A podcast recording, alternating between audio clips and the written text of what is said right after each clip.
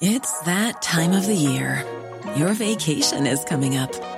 You can already hear the beach waves, feel the warm breeze, relax, and think about work. You really, really want it all to work out while you're away. Monday.com gives you and the team that peace of mind. When all work is on one platform and everyone's in sync, things just flow wherever you are. Tap the banner to go to Monday.com. There's never been a faster or easier way to start your weight loss journey than with PlushCare. PlushCare accepts most insurance plans and gives you online access to board-certified physicians who can prescribe FDA-approved weight loss medications like Wigovi and Zepbound for those who qualify. Take charge of your health and speak with a board-certified physician about a weight loss plan that's right for you. Get started today at plushcare.com slash weight loss. That's plushcare.com slash weight loss. plushcare.com slash weight loss.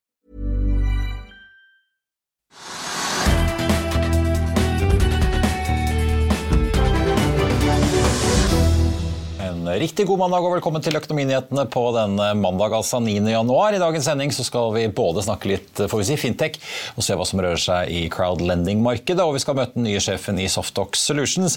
Men først la oss ta en titt på eh, markedet akkurat nå på ukens første børsdag.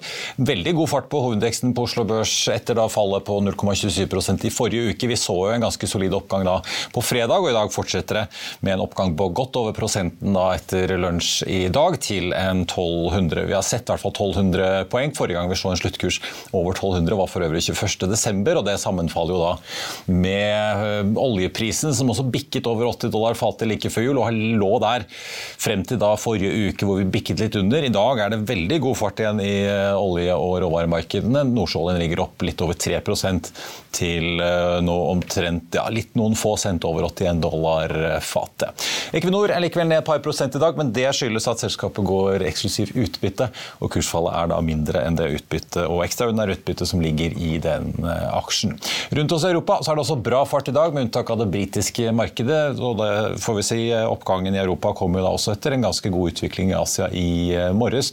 Futures på Wall Street peker også mot en ganske solid oppgang der etter oppturen på fredag, der eh, det så ut som investoren i hvert fall tok jobbtallene for desember måned godt imot. De viste jo da flere nye jobber i privat sektor og offentlig sektor utenom landbruket i USA enn ventet. En lavere ledighet eh, var det også tikket ned til 3,5% og også en litt roligere lønnsvekst, som nok de fleste bet seg merke i, 4,6 mot da ventet, eh, en ventet årsvekst på 5% blanko.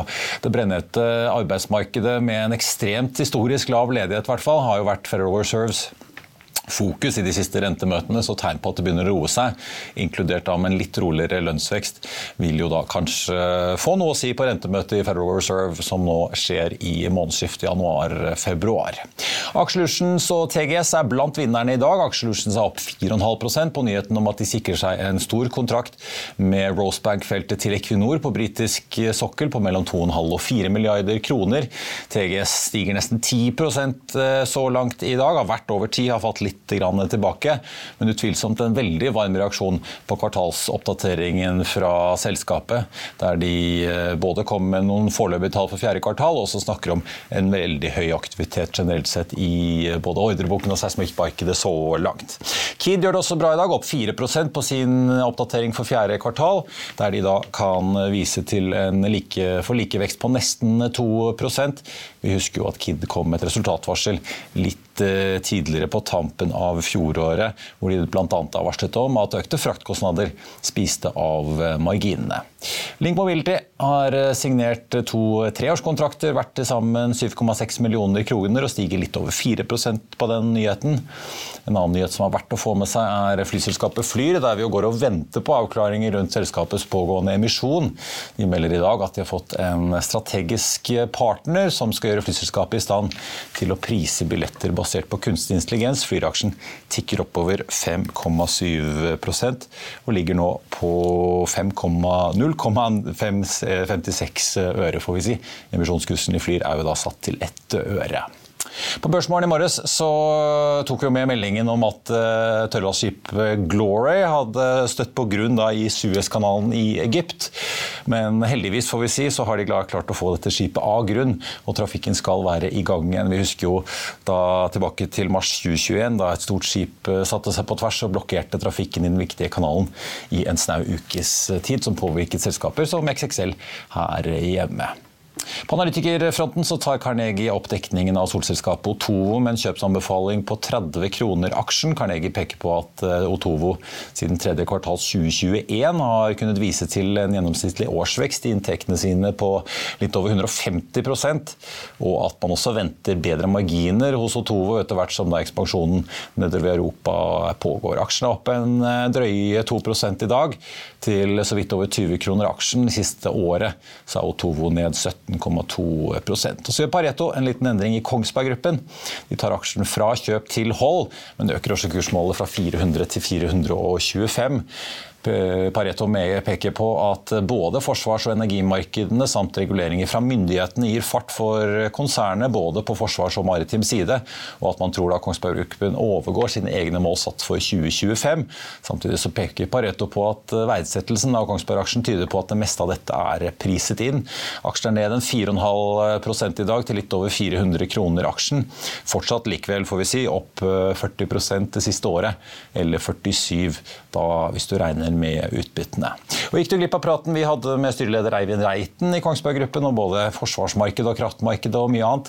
I julen så finner du den ved å søke opp Økonominyhetene i Spotify, Apple Podcast eller ved å gå inn på f1-podkast. Da skal vi snakke får vi si, håndsprit, eller rettere sagt desinfeksjon. Vi skal høre fra av, et av selskapene som fikk mye oppmerksomhet under pandemien, og som nå har fått ny sjef og som satser tungt på forsvarsmarkedet. Velkommen til oss, Kristian Harstad, fungerende administrerende direktør i Softalk Solutions. Mange takk. Bare noen dager inn i ny jobb. Ja, Gratulerer, får jeg si. Takk. Du, dere har, uh, har kommet med melding i dag, så vi skal ta, uh, komme til den straks. Men jeg tenkte bare først å høre litt. Uh, hva er status hos dere nå? Du har kommet inn som ny sjef. Geir Almås, som var administrerende, har gått over til styrelederrolle, og dere har byttet finansdirektør. Ganske mye endringer på kort tid? Ja da, det, er, det har vært litt endringer nå. Vi, vi gjør, det skjer veldig mye spennende i Softox nå, så dette er egentlig naturlig. Vi, vi gjør noen, noen, refokusering og restrukturering, og så da blir det, blir det slik. Men er det forsvars... Du kommer jo selv fra du har vært spesial, norske spesialstyrkene, kom fra Forsvaret så sent som i fjor høst. Ja. Er det forsvarsmarkedet som er eh, det store, da? Ja, Vi fikk jo nettopp den meldingen i dag gikk jo på den kontrakten med, med EUs eh, forsvarsfond, hvor, eh, hvor, de betaler for utvikling av, av beskyttelse av soldater imot både kjemiske og biologiske og for så vidt kjernefysiske trusler. Vår del da, det er å, å utvikle et forsvar mot bakteriologiske trusler. Ja, ta det altså, i meldingen, altså, Dette er jo større, en større, del av en større pakke, hvis vi kan si det, da, hvor EU skal ruste opp egne evner til å, å levere forsvarsmateriell mot bl.a. kjemiske og biologiske trusler. Ja. ja. Og dere skal levere en MCM-inhalator. Ja, vi skal ja, kan det. du forklare hva ja, det er? Ja. Ja. MCM det, det, står for Medical Countermeasure, altså medisinsk eh, beskyttelse. egentlig det der. Så Man ser da på behovet hos soldaten for å beskytte dem ikke bare mot, mot, fysiske ting som kuler og, og, slike ting, som du har ballistiske vester og hjelmer, men også gjennom da, det, det medisinske. Så det Softox nå gjør, er at vi bruker vår teknologi, ut, som nå er basert på, på to hovedområder. Det ene er å bekjempe virus og bakterier i sår og i luftveiene eller lunger. Ja. Eh, så den... Jeg sa håndsprit, men det er strengt tatt ikke helt korrekt, for det er jo en alkoholfri ja, desinfiseringsmiddel. Ja, ja. ja, så ikke håndsprit. Mm. Det, er, det, er, vesentlig. Men, eh, men det, den hånddesinfeksjonsmiddelet som eh, vi var kjent for, det er jo basert på den samme teknologien, men, men nå utvikler vi da for lunger og for sår. Eh, så det vi eh, utvikler nå eh, sammen med partnere, basert på vår teknologi, det er egentlig en inhalasjonsløsning. Litt tilsvarende sånn som du kan tenke deg liksom, ligner på en nesespray for eksempel, eller en ja. astmamedisin, eller sånt, hvor du forstøver vår løsning og får den ned i lungene. Det er satt av så vidt jeg skjønner, nesten 100 millioner kroner. Hvor mye, for Dere er jo en del av en gruppe, et konsortie her, som skal levere ulykkeløsninger. Eh, hvor mye av disse 97 millionene tilfaller dere? Eh, vi får direkte halvparten ca. Ja. Eh, og den andre halvparten den går da til våre partnere, som, som gjør en del av de kliniske forsøkene osv. for oss. Jeg ser dette skal jo løpe da i noen år fremover med årlige får vi si, bevilgningsvurderinger. Mm. Eh, er det på en måte bare at dere da må møte visse milepæler for å få utbetalt ja. neste del av summen, eller? Ja, man får en, en, sum nå innledningsvis for å starte opp, og så er det som du sier, det er basert på at du, må, at du møter milepælene. Så dette prosjektet her, det går over en fireårsperiode. Ja. Så det er ikke noe som eh, dere ser for dere å altså, kunne kommersialisere sånn med det første? da? Nei, det, dette er jo legemiddel, så det er jo et langt, eh, det et langt løp. Så med det første eh, så vil vi ikke kunne kommersialisere dette. Men, men vi har en, en, klar fremdriftsplan. Så er jo det er litt spennende med dette EU Defence Fund, fordi at det, dette konsortiet går over fire år. Men så har de jo varslet at de skal ha nye prosjekter kommende. Så hvis vi lykkes nå, og så vil vi altså kunne søke en, et videre utviklingsløp. Da, gjennom, finansiert gjennom, gjennom, EU. Fortell litt om, eh, for Dere driver jo både mot forsvars- og sivil eh, sektor. Eh, kan du gå gjennom liksom de andre satsingene deres? Når er det dere forventer å kunne kommersialisere opp produkter der? Vi har, vi har to, eh, to, hovedsatsingsområder i Softox nå. Det ene er eh, sårbehandling. Mm. Og, og, så er det da dette som vi snakket om nå, med, på lungesiden. Lungesiden vil jo da for, i dette konsortiet her være for å bekjempe biokjemiske stridsmidler, eller da helst biologiske stridsmidler. Men det vil også kunne ha en effekt på andre luftveisinfeksjoner. Så der er det jo både et militært bruk, behov, og et sivilt behov. Når det gjelder såresiden, så har vi et samarbeid der med US Navy, hvor, eh, hvor de betaler for en del forskning på, på, sår. Bekjempelse av biofilm i sår spesielt. Eh, vi har produkter på såresiden som ikke er så langt unna på en kommersialisering. Men så, har vi andre deler hvor det, hvor det er en, også der et litt lengre løp, i og med at det er legemiddel vi snakker om. Vi må snakke litt om eh, til slutt eh, finansiering, som jo alltid er en eh, nøtt for selskaper i utviklingsfasen. Dere skriver i meldingen i dag at disse pengene dere får inn, kan redusere investeringsbehovet. Ja. Eller bidra til å dekke det behovet dere hadde regnet med at dere hadde. Da. Så det reduserer jo behovet for å hente penger fra andre kilder. Eh, nå kommer jo dere med regnskap for fjerde kvartal 17.2. Eh, eh, men på tampen av tredje kvartal så var det jo bare litt over 3 millioner igjen i kassen. Så fikk dere inn et lån da på 25 fra aksjonærene og refinansierte et på 15 i tillegg, skrev dere i regnskapet. Når trenger dere påfyll av ny finansiering? Det, Gitt av det, det, dere får inn nå fra dette EU-fondet? Det, det, vi fikk inn nå, det, det vil dekke noe, eller en del av utviklingskostnadene i, i det lange løpet. Men uh, når du nå fokuserer mot uh, disse to hovedsatsingsområdene, så vil vi ha et behov for å, å hente penger. Så det, vil bli jobbet med det nå i det nærmeste halve året. Ja, for jeg så Geir Almås som var styreleder, så han skulle bruke mye av tiden sin på det. Vi har jo sett en god del biotekselskaper det siste året vært ganske åpne på at det er et krevende marked eh, fordi renten har steget. Mange investorer vegrer seg for å sette penger i prosjekter som kan gi avkastning eh, langt inn i fremtiden. Hvordan opplever dere det? Vi opplever også at det er et krevende marked. Eh, vi, vi har nå, altså Softox har jo styrket eh, styret betydelig. Eh, sånn at vi, har, vi ser også på andre markeder om, om, det er mulig å hente penger andre steder enn i Norge. Ja. Og Det er også reflektert i, i, sammensetningen av styret at vi har en del som er erfarne da på å hente penger i, i andre markeder. Er det sånn at dere planlegger at noe skal skje i løpet av første halvår potensielt? Eller har dere noen sånn tidsplan? Ja, det vil, det vil, bli jobbet med det fortløpende nå. Så jeg vil forvente at i løpet av det neste halvåret så Jewelry isn't a gift you give just once. It's a way to remind your loved one of a beautiful moment every time they see it. Blue Nile can help you find the gift that says how you feel and says it beautifully with expert guidance and a wide assortment of jewelry of the highest quality at the best price. Go to BlueNile.com and experience the convenience of shopping Blue Nile, the original online jeweler since 1999. That's BlueNile.com to find the perfect jewelry gift for any occasion. BlueNile.com. I'll see you in court. Vi sier det ofte litt på spøk, men for deg som driver business, er det aldri moro å innse at du ikke har laget en 100 gyldig kontrakt. Du bør ikke risikere hele firmaet ditt fordi du synes dette med kontrakter er litt stress. En avtale er ikke en avtale. Du kan miste kunder, miste venner, ja, til og med miste inntekter om du ikke lager en skikkelig kontrakt, på alt mulig, egentlig. Men vi vet det er et styr. Kopimaskiner, tregprinter og haugevis av papir. Dessuten stoler vi jo på folk her i landet. Det er ofte litt kleint å skulle be om en signatur for alt mulig, ja, for mye av styret handler også om jakten på underskriften. Det finnes en enkel måte å løse dette på, Dukkobit, en trygg, effektiv og get this, gratis måte å sikre seg en god natts søvn pluss en juridisk bindende avtale. Dukkobit-appen har de strengeste sikkerhetskrav i bunn, samt en EU-godkjent og sertifisert teknologi. Framover vil det bli behagelig å spørre du, skal vi skrive under på det, eller? Kom i gang på dokobit.no. Så har man kommet i gang med dette. her. Kristian Harstad i Softalk Solution, takk for at du kom til oss. Får vi si lykke til med pengejakten og utviklingsarbeidet. Absolutt. Takk skal du ha. Vi er straks tilbake rett etter dette. Vil du bli oppdatert på det viktigste som har skjedd innen finans og næringsliv? Da er det bare å følge med, for hver morgen er jeg, Marius Lorentzen og aksjekommentator Karl Johan Malnes på plass i studio for å ta tempen på dagens marked i Børsmorgen. Og hver ettermiddag oppsummerer vi alt du trenger å vite i økonominyhetene, og det blir selvfølgelig masse interessante gjester. Klikk deg inn på fa.no-tv, eller søk opp Børsmorgen og Økonominyhetene der du hører på podkast.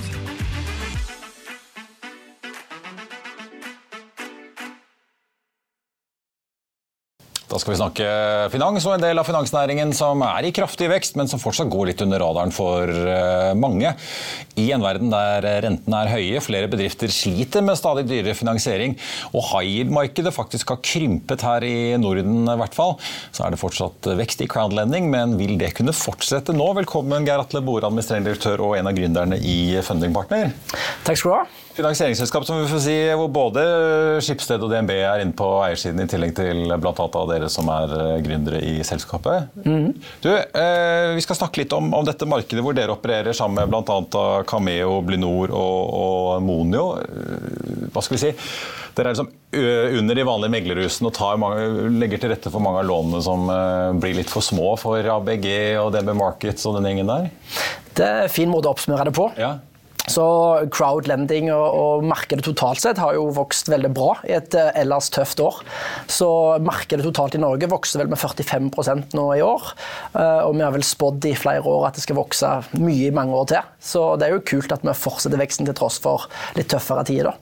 Ja, for du, du, har jo vært aktiv i det heter Crowdlendingforeningen? Crowdfundingforeningen. Crowdfundingforeningen, ja. Det rett skal være rett. Det, og Dere har jo telt opp litt sånn på vegne av bransjen hvordan det har gått. Utstedt nesten ja, 1,54 milliarder i nye lån i fjor. Mm. Ja. Bare i lånebasert, ja. Opp fra ja, drøye milliarden. Mm. At, øh, en kraftig vekst i prosent, men så er jo dette sammenligner du det med banker, og sånn, så er det jo fortsatt en liten del av markedet. Men tror du det kunne vokst enda mer, hadde det ikke vært for øh, måte, den ruglete økonomien vi hadde i fjor? Absolutt. Eh, vi merka jo at pågangen av, av utstedere eh, gikk ned ja. når på en måte, uro og usikkerheten kom på plass.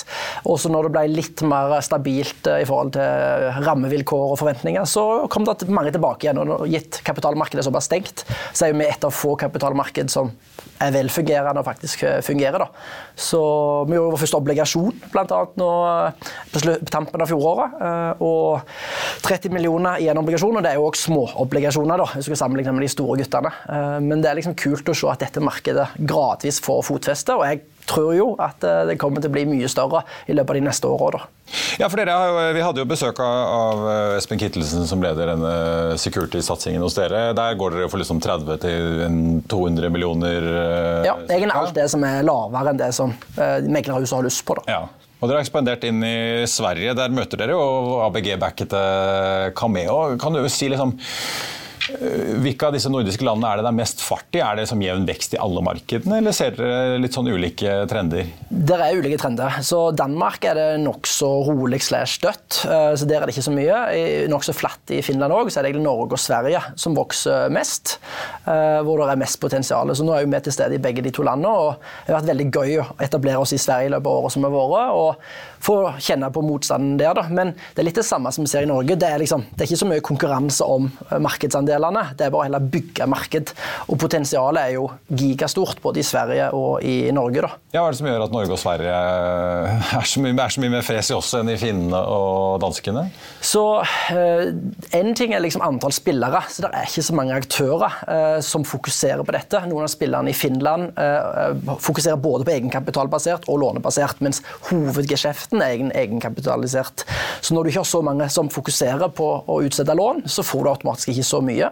Um, så det er en av forklaringene. Og så har du vel konservative banker, uh, spesielt i Norge og Sverige, hvor eiendomsmarkedet har vært nokså bra. og fått en tøff motgang siste året i forhold til eiendomspriser, men likevel ikke i nærheten av så mye som noen har turt å spå ned. Mm. Så, så, så lenge så det er så mye eiendomsutviklere med kall det, bra sikkerhet du kan tilby eiendom, så tror jeg det er en del til som har lyst til å satse videre på, på eiendomssektoren, bl.a. Så vi er jo vi, vi syns jo det er kjempebra når bankene er konservative, for det gjør jo bare at det er et marked for oss òg, da.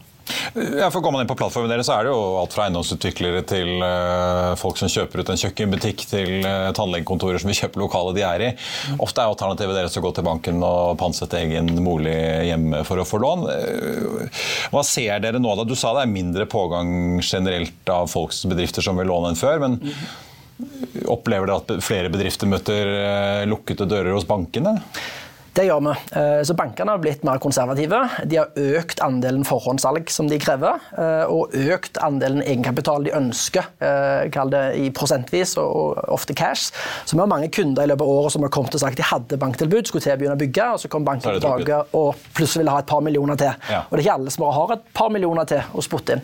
Så da har vi noen ganger gitt ekstra lån til de prosjektene hvor vi sammen med banken utvikler, og av og til har vi tatt hele prosjektet. Men det er litt større risiko når du ikke har så mye forhåndssalg eller like mye egenkapital.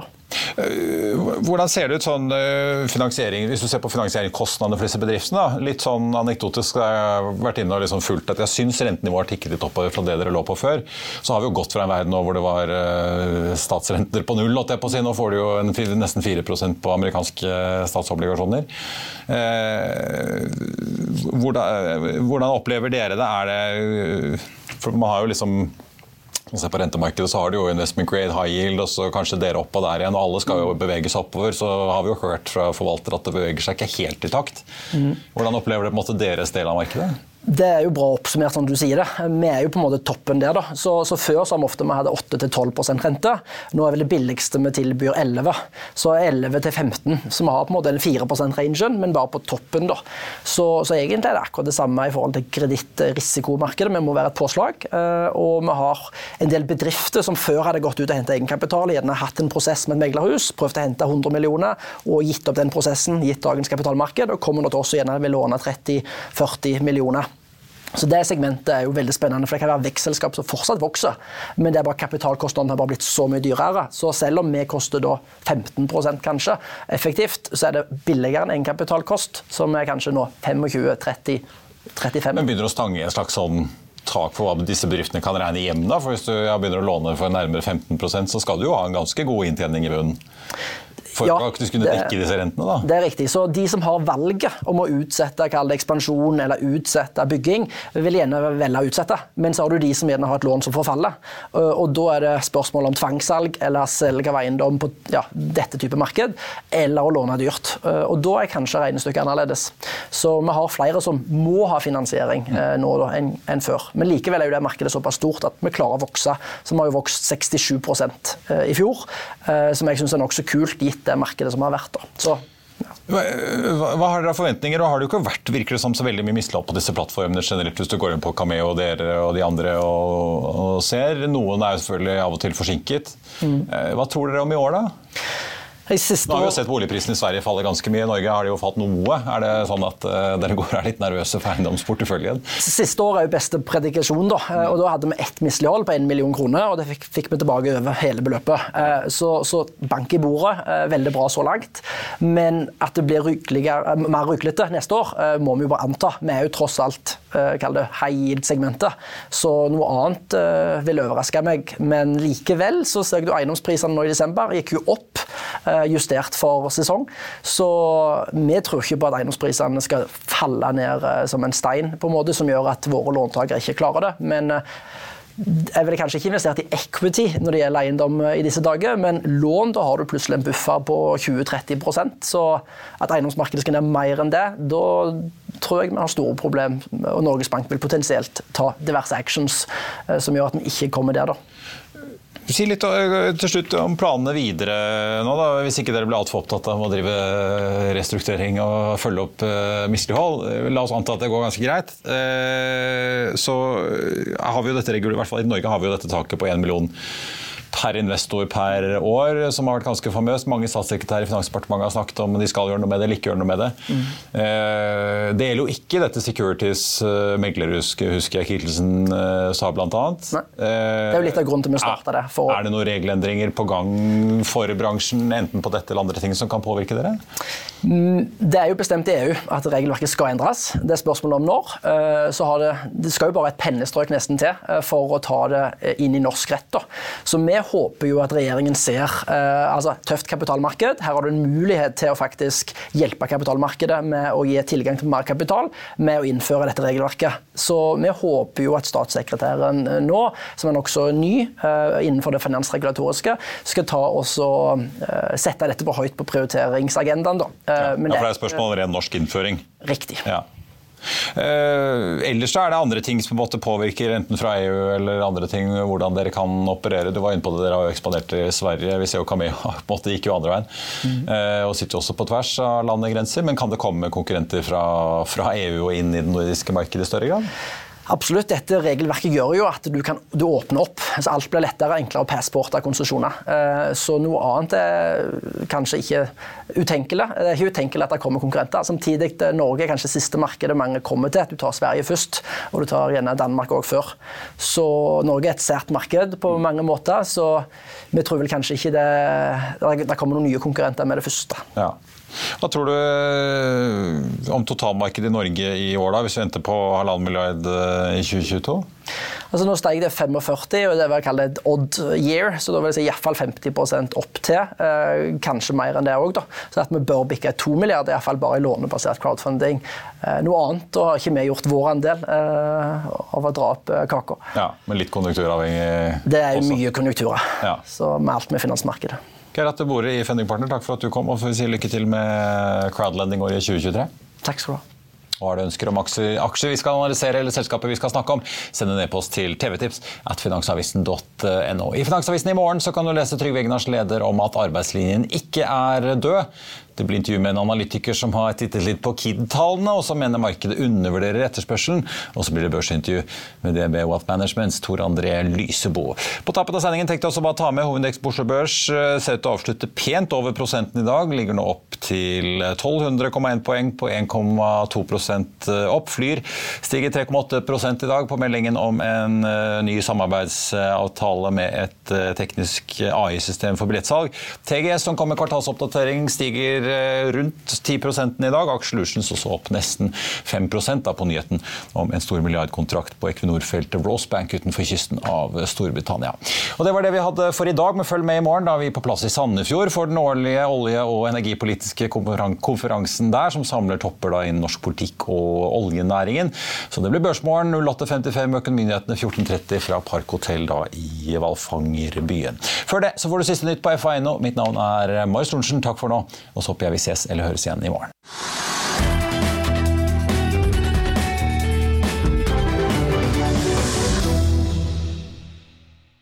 Økonominyhetene er en podkast fra Finansavisen. Programledere er Marius Lorentzen, Stein Ove Haugen og Benedikte Storm Bamvik. Produsenter er Lars Brenden Skram og Bashar Johar. Og ansvarlig redaktør er Trygve Hegnar.